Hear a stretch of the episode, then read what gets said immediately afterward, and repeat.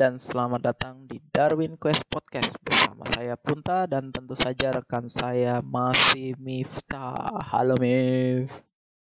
Halo, nggak ganti-ganti cuy. Apanya yang nggak ganti-ganti? Tahu. Ngapain kita coy? Kemarin kita udah bahas ini kan aquaculture. Weh, aquaculture. Kemarin. Kemarin itu apa? Oh ya, aquaculture. Kita udah bahas aquaculture. Ini ada kaitannya dengan aquaculture. Ya kita pretel-pretelin dikit Eh, lah ya. eh, si ini ada ada kaitannya dengan aquaculture. Kemarin kan kita aquaculture yang kita bahas ba- itu tentang perikanan, perudangan, perkepitingan, perubur-uburan gitu kan. Itu hewan semua. Tapi kita lupa ada juga aquaculture yang lain, yaitu algae. Rumput Tadi laut, Hah? Rumput laut ya? Iya dong. Emang dia per pertanian enggak dong? Aquaculture Ya. dong. Kita belum belum pernah bahas sama sekali ya Alvin. Belum, belum. Iya. Algae, Yo. Algae. eh tap- algae itu mungkin yang enggak enggak familiar dengan algae itu ganggang. Algae itu ganggang. Enggak. Eh se- sebelum lanjut nih cuy, Hmm. ini ini kita mau bahas algae secara umum apa yang berhubungan sama si tambak-tambakan kemarin itu cuy? Kita bahasnya algae secara umum tapi yang mikrobiologi. Jadi kita lebih bahas ke Oh. Oke oke, berarti kan bisa berhubungan bisa nggak berhubungan sama si tambak Iya. yang kemarin kita bahas. Iya dong. Kan kita umum Siapa dulu dan umum, umum, umum melebar gitu kan. Oh, tambah lebar.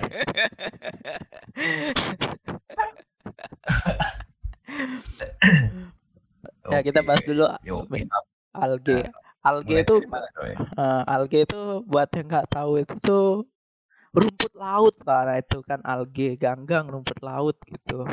Salah satu produk yang Tapi- paling paling terkenalnya itu nori. Tuh, nori. Ya. Tapi yang mikroalgae ini nggak kelihatan kayak rumput cuy. Ya, Itu yang ini ini kan kelihatan ini rumput. dulu algae yang umum yang umumnya terlihat gitu kan Oke, oke. Makroalgae. Ma- makro algae itu salah satunya tuh nori. Nah itu nori itu produknya dari makro algae tadi. Kalau biasanya yang suka makan di Jepangan itu familiar banget itu pasti. Terutama untuk sushi roll itu tuh biasanya ada itu si nori itu. Nggak pernah lewat itu. Terus kombu itu Jepangan banget tuh. Hmm. Nah, tapi karena kita ini channelnya ini bahasnya itu seputar mikrobiologi, berarti kita bahasnya mikroalgae. Mikroalgae. Si Nori bukan mikroalgae ya? Bukan dong. Siapa tahu kan kecil-kecil kepeng gitu. Oke. Berproses. Pertama kita mikroalgae dulu. Mikroalgae itu eh, apa dulu? Apa mikroalgae itu? Ah, ya, yang pasti eh, dari namanya aja mikroalgae itu berarti algae yang ukurannya mikroskopik gitu ya. Sehingga susah dilihat dengan mata Ya, telanjang. ya, mikro. Eh, mikroalgae ini biasa paling ininya paling orang itu Hmm? si ini ya spiruli- spirulina itu kan ya Wah, Kalau ya, orang itu. yang paling sering dengar itu Paling mikroalgae kan itu Iya iya itu spirulina itu orang paling dengar paling paling sering dengar lah itu karena itu suplemen kesehatan ya, ter terpopuler abad kapan gitu lah.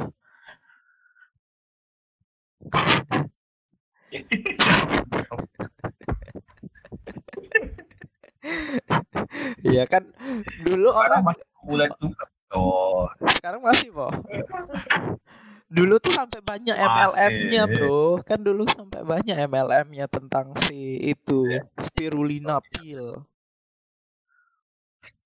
oh iya ya. Ya mungkin sekarang lagi digalakan mulai ngetren lagi gitu. Hmm. Enggak ya? Atau kan diformulasikan anti covid ya sekarang ini spirulina. Iya. Spirulina. Spirulina tuh merek dagang kan sebenarnya. Eh, merek dagangnya Merek dagang spirulina. ya? Atau- Enggak, eh, itunya merek dagangnya kan spirulina kan, tapi kan sebenarnya kelasnya itu nama eh nama nama spesiesnya itu yang dipakai kan Artospira platensis. Oh, bukan spirulina platensis ya. Bukan. Argospira. Heeh. Genus itu uh, spirulina tuh genus tapi mak ininya nama ininya Artospira platensis. Terus mikroalga ini kan biasa juga dikenal dengan nama pitoplankton. weh. Pitoplankton karena tumbuhan gitu ya. eh, karena mirip tumbuhan, plankton yang mirip tumbuhan.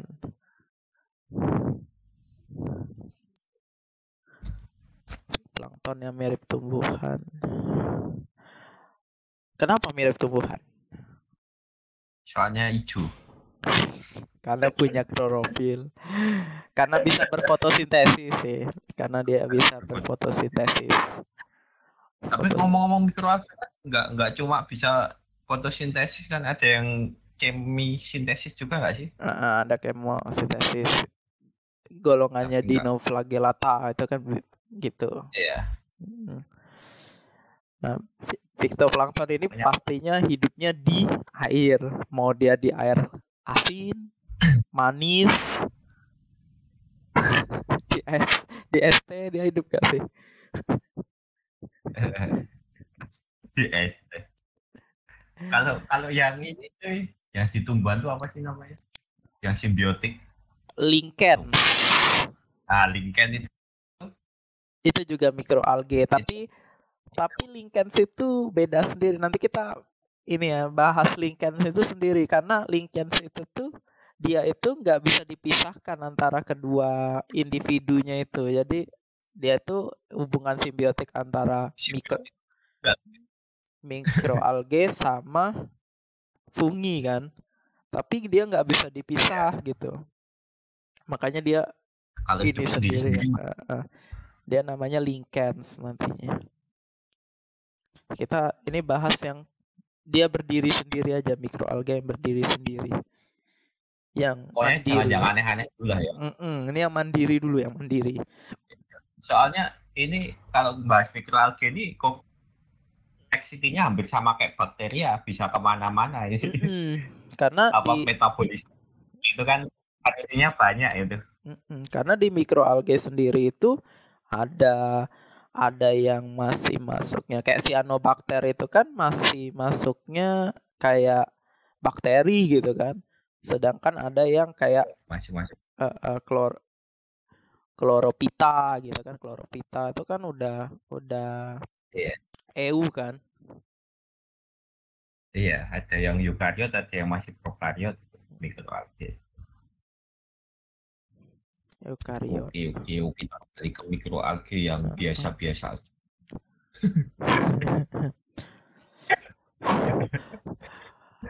apa ya? Eh, faktanya tuh ada fakta menarik nih kalau tentang mikroalgae hampir sebagian eh, fiksasi karbon dioksida di bumi itu sebenarnya bukan dilakukan oleh tumbuhan tapi oleh Ya. mikroalgae jadi oksigen yang dihasilkan di bumi ini tuh ke sebagian besar itu dihasilkan oleh mikroalgae bukan dari tumbuhan. Walaupun dia mikro. ya walaupun dia mikro dan itu density sama productivity biomasnya lebih gede jauh ketimbang tumbuhan itu coy. Nah, iya juga, iya iya sih. Makanya dia banyak dipakai untuk produksi uh, senyawa-senyawa yang dibutuhkan manusia yang lain karena uh, apa per, per apa produksi biomasanya tuh benar-benar cepet gitu. Iya, edan itu. Itu bisa sampai ini 180 ton per hektar itu. Uh, ya jauh ketimbang tumbuhan lah. Mm -mm. nah kalau mikroalga ini sendiri kan ada yang dia sifatnya patogen nih, parasit. Iya, soalnya kalau gimana nih? Bisa terjun gitu ya. Bisa terjun payung gitu kan. Ada yang sifatnya B aja, ada yang sifatnya baik-baik saja. Itulah hebatnya mikroalgae.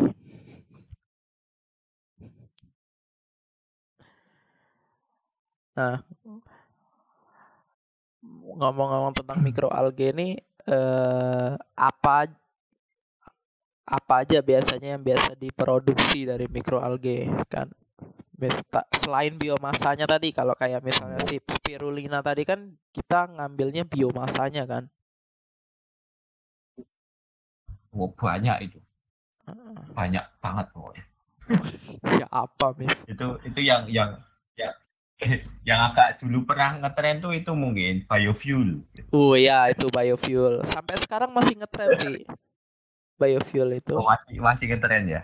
Jadi uh, yeah. untuk fuel fuel apa energi terbarukan gitu energi terbarukan itu tuh yang ngetren sekarang itu adalah penelitian yang ngetren itu adalah biofuel sama itu uh, baterai mobil listrik. Iya. Iya, iya, yang ngetren itu baterai mobil listrik. dua itu yang lagi ngetren banget jadi baterai mobil listrik sama biofuel yang paling ngetren tapi kenapa biofuel, biofuel itu nggak oke? Okay? karena ini kayaknya kak. Karena harga fosil masih lebih murah. Harga bukan harga fosil tapi bahan bakar fosil. Iya belum bisa mengcover itu ya. Mm -hmm selain itu juga macam-macam sih. Bisa vitamin antioksidan gitu kan. Oh iya antioksidan nih. Ada yang terkenal nih antioksidan. Si astaxanthin astaxanthin terkenal ya emang udah? Terkenal dari dulu terkenal mis astaxanthin tapi lebih terkenal asanti kayaknya. Aduh. Astaxanthin tuh terkenal antioksidan terkenal itu yang di dari algae Hematococcus pluvialis itu. Itu terkenal itu. Banyak produk-produknya. Itu juga pernah sampai jadi MLM oh iya ya aku mm. belum pernah kenal ya kok kayak gitu-gituan tuh. Aku terlalu di desa apa ya? Aduh. kamu di kayak begitu. di dusun kamu. Iya. Itu astaxanthin itu tuh ini pernah terkenal banget. Katanya untuk biar penangkal radikal bebas gitu, reverse aging, wes dulu ininya. Sekarang mau diangkat lagi mungkin ya kayaknya. Namanya masih bukan bukan bukan bukan bukan mau diangkat lagi masih masih oh, angkat. masih, masih kenceng ya. masih kenceng. Cuman ketutup aja sama covid. Oke oke. Nggak ada astaxanthin anti covid juga ya kayaknya semua produk herbal itu klaimnya itu me meningkatkan daya tubuh terhadap covid deh jadi mungkin masuk deh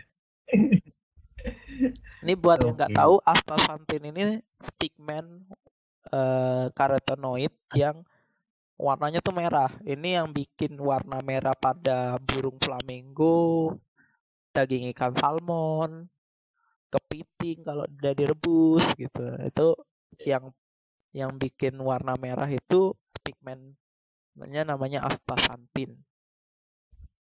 Nah, itu di salah satu penghasil astaxanthin yang cukup besar itu adalah mikroalge namanya Hematococcus pluvialis. Dan ada fakta menarik juga, Coy. Apa? Soal alge ini. Gimana gimana? Di ikan itu kan ikan itu kan katanya sumber omega 3 kan ya. Oh, Oke, okay. betul betul. Dan omega 3-nya itu didapetin dari alge juga sebenarnya si ikan bukan alge. jadi karena ikan Buat itu makannya itu. jadi dia kaya akan omega 3-nya itu ya. iya. Iya sih. Sebenarnya banyak fakta menariknya ya. Hmm, jadi sebenarnya kita bisa panen langsung omega 3 dari algae juga. Iya, karena karena pada dasarnya ikan itu tidak langsung eh tidak bisa memproduksi omega 3 itu dari metabolisme dia kan. Dia harus dari ya, konsum ya. mikroalgenya itu tadi. Ya, ya sih masuk akal sih. Dari faktor eksternal kan. benar, tuh, benar. bisa juga produksi omega 3 tuh.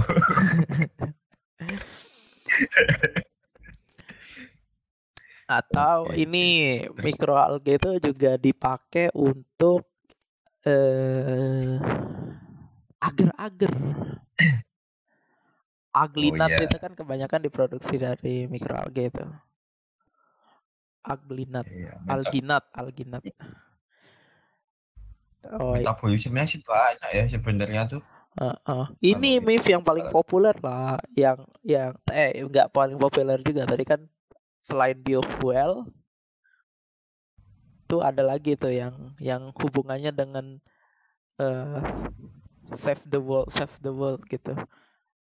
Cintai bumi. Bioplastik lah. Oh iya, oke okay lah, bioplastik. Apa biomas juga. uh, biomas juga itu. Kalau kalau bio, biomasnya dari biomasnya sendiri aja belum diekstrak aja banyak diversity produknya itu. Mm -mm. Bisa feedstock, bisa mm -mm. suplemen itu tadi, bisa bioplastik. Mm -mm. Banyak sih ininya mikroalga itu. Banyak. Bahkan dia tanpa diformulasi, tanpa kita produce sendiri, eh kita uh, targetin untuk produksi gitu itu tuh di alam bebas pun mikroalga itu berguna. Misalnya di per, di pertanian nih misalnya. Mikroalgenya kan yang berguna itu yang dia bersimbiotis dengan aku lupa nama ininya nama si si pakisnya itu apa? E, nama algenya tuh anabaena. Ya anabaena azulai. Nah dia bersimbiosis dengan azula azula pinata ya, itu kan juga secara secara natural pun dia itu apa be, berguna gitu. Itu kalau anabaena itu kan end fixing kan. Jadi dia mengambil nitrogen nitrogen lepas di alam itu di di diambil difiksasi supaya nanti bisa menyuburkan tanah gitu kan sebenarnya dia coy. dia nggak niat untuk mencuburkan tanah cuman cuma pas saja ya kayak kayak probiotik lah giliran ini apa saja di waktu dan tempat yang tepat aja. uh, uh, betul, betul. Kalau ini coy alga bloom itu masuk natural apa enggak itu? Alga bloom itu jadi jahat itu. Kalau tadi kan secara natural dia baik secara natural dia jahat nanti. Alga bloom itu, itu natural juga bisa natural. Tapi natural natural, ya? natural yang enggak natural kali. Iya kan agak abu-abu itu natural apa enggak soalnya ada ada konteks dari ini juga. Ada apa namanya peran dari manusianya juga tuh itu? Mm -mm, ada peran dari manusianya juga. Ya uh, sebenarnya kan kalau ini kalau di ekosistem tuh semuanya tuh pasti seimbang gitu. Kalau nggak diganggu siklusnya yeah. gitu. Nah, tapi kan kalau ada gangguan kayak misalnya uh, pemakan pemakan algenya dibantai gitu kan ya udah algenya belum. Atau nih nutrisi yang untuk algenya itu berlebihan terus algenya itu terlalu berkembang lebih banyak daripada uh, konsumen tingkat satunya ya. Alge belum. Iya. Iya waste waste water gitu kan sebenarnya mm. sangat memicu sekali itu ya. Mm -mm. air air air bekas apa. Mungkin kalau yang masih masih bingung banget sama mikroalge itu contoh yang kelihatan nih mikroalge itu biasanya di kolam itu airnya itu kan nggak benar-benar jernih agak hijau nah itu salah satunya itu karena mikroalge kolam lele itu kelihatan banget kalau yang kolam ya kayaknya nggak harus kolam lele deh Mif. ya kolam lah yang di ember-ember itu nggak begitu kelihatan hijau coy. Uh, iya sih. Kolam patin juga kelihatan kok, Mif. Nggak harus lele kan berarti. Ya, iya. Oke, oke, Itu itu produk-produknya coy. Terus kita ngapain lah? Uh, nge-aquaculturein si ini nih si si mikroalge. Yeah, yeah. Kan kita biar bahasnya aquaculture. Biar bisa jadi culture-nya tuh gimana? yang yang dibutuhin dulu nih berarti. Kan, mm -mm. Kalau kita mau mengkulturkan alga itu apa? Berarti Macam air. ya air, ya udah pasti. Uh, uh, air. Terus matahari. Cahaya cahaya ilahi. Jangan matahari dong, nanti shopping dong dianya. Oke, cahaya ya. Terus nutriennya, nutriennya kan dia karbonnya itu dari CO2, berarti butuh CO2. Terus mikro-mikronutrien. Makronutrien dulu dong. Nitrogen, fosfor. Karena kan itu. memang ada beberapa mikroalga itu yang enfiksasing, tapi kan ada yang enggak. Yeah. Terus fosfat. enggak. Terus biasanya kalau Terus. kultur alge itu, biasanya kultur alge itu ditambah vitamin B12. Karena nggak bisa bikin itu juga. Betul. Karena nggak bisa bikin. Dia apalagi coy, apalagi Uh, ya itu sih. Jadi biasanya kalau kita mau memperbanyak alge itu kita harus nyiapin kolam atau fotobioreaktor gitu. Jadi yang yang bisa ngakses cahaya. Yang penting harus bisa ngakses cahaya matahari. Cahaya lah cahaya sama ya basicnya itu mungkin ya. Uh, karbon dioksida. Jadi di aerasi tapi aerasinya tuh bukan untuk iniin ningkatin DO tapi ningkatin CO2-nya. Minus DO kalau bisa. Enggak dong, kan dia tetap butuh oksigen, Mif. Kan kalau malam hari. switch enggak? Huh? Iya, kalau mau bagus di switch enggak sih berarti? Iya, kalau mau bagus di switch. Tapi kan biasanya orang tuh di dilakuin siklus terang terus, Mif. Oh iya iya iya. Itu itu basically itulah ya yang dibutuhin. Hmm. Terus kalau misalkan lanjut ke produk nanti ada kondisi-kondisi hmm. lainnya yang ditambahkan. Misalnya samanya soaking gitu ya. Soaking itu misalnya untuk untuk bikin dia punya pigmen gitu ya. Kayak astaxanthin tadi kan dia dibikin di exposure sama UV tingkat tinggi, salin tingkat tinggi kayak gitu kan biar dia munculin si astaxanthinnya itu dibikin stres lah hmm. sampai iya. berubah Jadi kepribadiannya oh, bedanya kultur alge sama ini udang apa ikan ini si alge ini malah dibikin stres di kultur ini yang lain kan nggak sampai stres eh nggak selalu Mif kalau dia cuma mau produksi biomasa nggak dibikin stres dong Oh iya iya. Uh, uh, itu cuman kalau dia kita mau ngambil metabolit tertentunya misalnya tadi uh, pigmen. Kalau pigmen ya kita harus ya, nyetresin dia. Cuman kalau kita cuma biomasanya kan nggak harus. ya dibaik-baikin kalau biomasa. Hmm. Nah, mikroalga sendiri ini kan uh, nggak semuanya karena dia mikroalge orang pasti mikirnya oh cara isolasinya mungkin di strict gitu. Jadi kalau mikroalge ini khusus dia nggak semuanya bisa di strict di padat jadi ada teknik lain juga gitu misalnya dengan uh, pengeceran atau segala macam gitu untuk uh, purifikasinya untuk apa pemurniannya. Kok purifikasi? Pemurnian hmm. mengisolasi jenisnya gitu. Itu juga bisa dilakuin kayak gitu. Iya. Itu Karena, nanti kan berapa persen tingkat kemurnian gitu aja kan uh, uh, yang dikultur uh, uh, dan secara secara secara misalnya kalau kita mau isolasi dengan pipet pipet itu tuh masih memungkinkan. Karena ukuran selnya tuh cenderung gede dibanding bakteri itu alge itu ya, gede. Ya berkali-kali lipat lah. Uh, uh, jadi ada teknik teknik isolasinya tuh dengan ini pipet. ya. Bahkan yang misalkan yang mikroskopik pun di mikroskop dengan perbesaran nggak begitu gede pun bisa kelihatan uh, uh. sih. Jadi ya, masih bisa di kita nggak apa ngisolasi dengan bantuan mikropipet. Jadi kita isolasi pakai bantuan mikropipet itu masih memungkinkan. Ya. Yang jelas tapi kita butuh alat bantu yang namanya mikroskop. Siapa tahu kan yang pakai HP bisa gitu. Eh, mat matanya bisa ini memperbesar ber berkali-kali lipat gitu juga bisa sih, Mis. kan ini fokus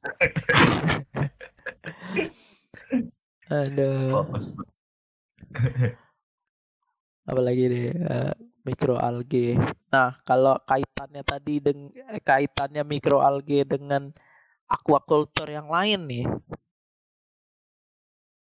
Apa aquaculture yang lain nih yang tambak tadi berarti uh, ya? Uh, yang tambak lah, misal tambak udang. Wah, ya itu tadi eh kemarin ya dianggapnya kemarin apa tadi fitoplankton itu. Uh, fitoplankton nah kan si udang yang kecil-kecil ini kan makannya tuh masih zooplankton kan? Nah biar yeah. zooplankton di dalam tambak udang ini banyak nah biasanya orang nambahin yang mikroalge yang enggak enggak toksik yang enggak patogen dengan si udangnya tadi supaya si zooplanktonnya itu bisa berkembang dengan memakan mikroalge atau yang dibilang fitoplankton tadi, zooplanktonnya banyak itu dimakan oleh si udang. Itu kayak udang makan udang gak sih? Lupa aku lihatnya. kan udang kecil-kecil zooplanktonnya tuh. Kayak iya, udang kecil itu kan. Iya. Kayak Artemia itu. Iya sih kayak mirip sih cuman oke okay lah masuklah. Udang itu kanibal nggak sih? Udang kanibal sih. Hmm. hmm. Ya itu saudaranya kecil itu mungkin jangan-jangan.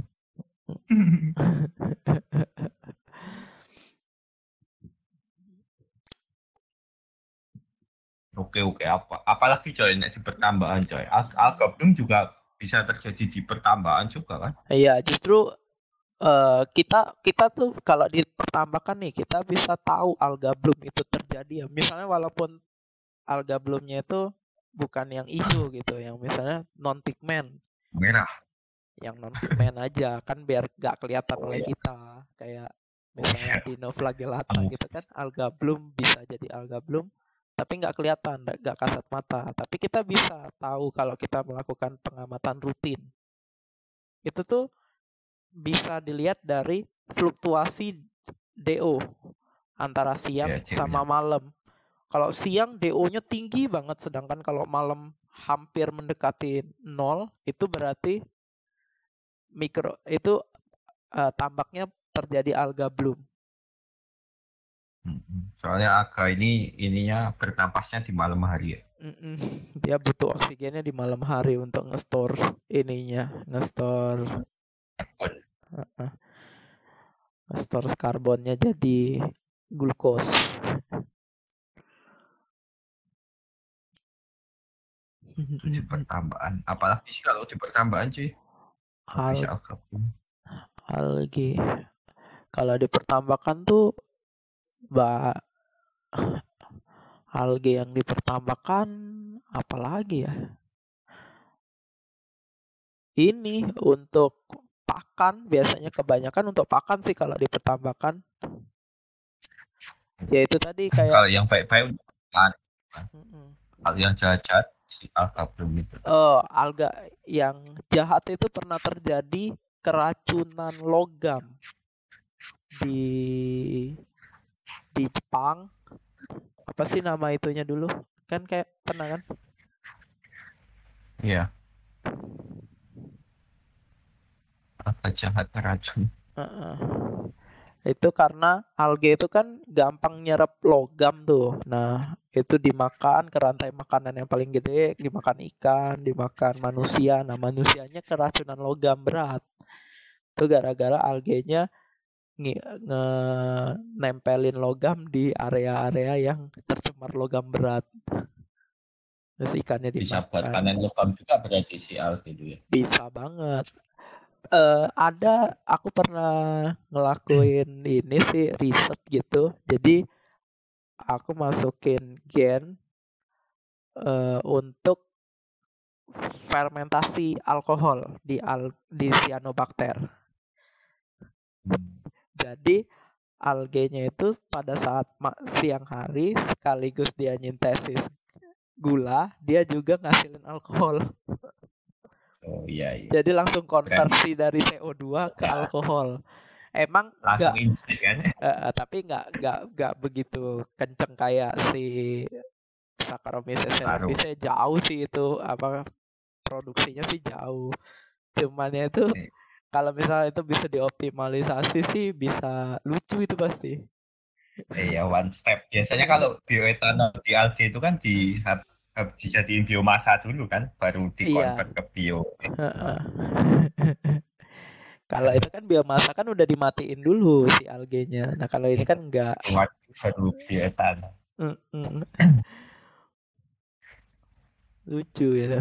Saya pernah riset tentang itu. Itu lumayan lucu itu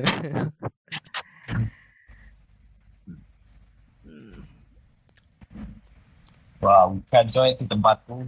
Waduh, di tempatku enggak. Nah, itu banyak mikroalga enggak itu kalau hujan. Masuk enggak hujannya? Enggak sih. Bentar lagi masuk paling tambah terus ya? Iya, sebentar belum lagi ya? masuk. Belum belum belum masuk sih. Masih masih okay. masih oke. Okay uh, foto bioreaktor. Nah, kan kalau kita ngomongin kultivasi algae itu kita pas nggak jauh-jauh dari foto bioreaktor. Apa itu foto bioreaktor? Bioreaktor yang foto itu?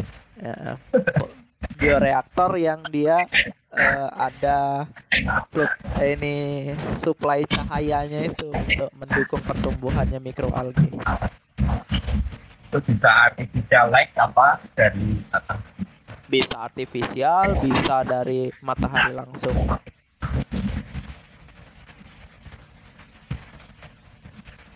Kalau yang sudah masuk bioreaktor itu lebih ke metabolisnya kan? Apa biomas juga? Biomas juga nih biomas juga. Pro, uh, ini spirulina kan nggak metabolis nih tapi uh, apa namanya biomas ya di kolam-kolam itu chlorella ya chlorella ya itu kan biomas juga. Spirulina juga di kolam sih Mif. Hmm, ya sih itu ada konspirasinya nggak sih mikroalga ini kita tuh kalau harus kalau menutup tuh harus ada konspirasinya nih. Ya itu tadi termasuk ya kayak bermata dua itu kalau dia bawa lubang gimana uh. itu itu itu mungkin nanti masuk di konspirasi pertambakan. Oke oke, masuk masuk. Sebenarnya ini apa mikroalgae itu ini konspirasinya adalah dia itu adalah pembentuk MLM paling populer. Banyak loh MLM yang dari mikroalgae, suplemen-suplemen dari mikroalgae itu jadi MLM aku nggak begitu kenal sih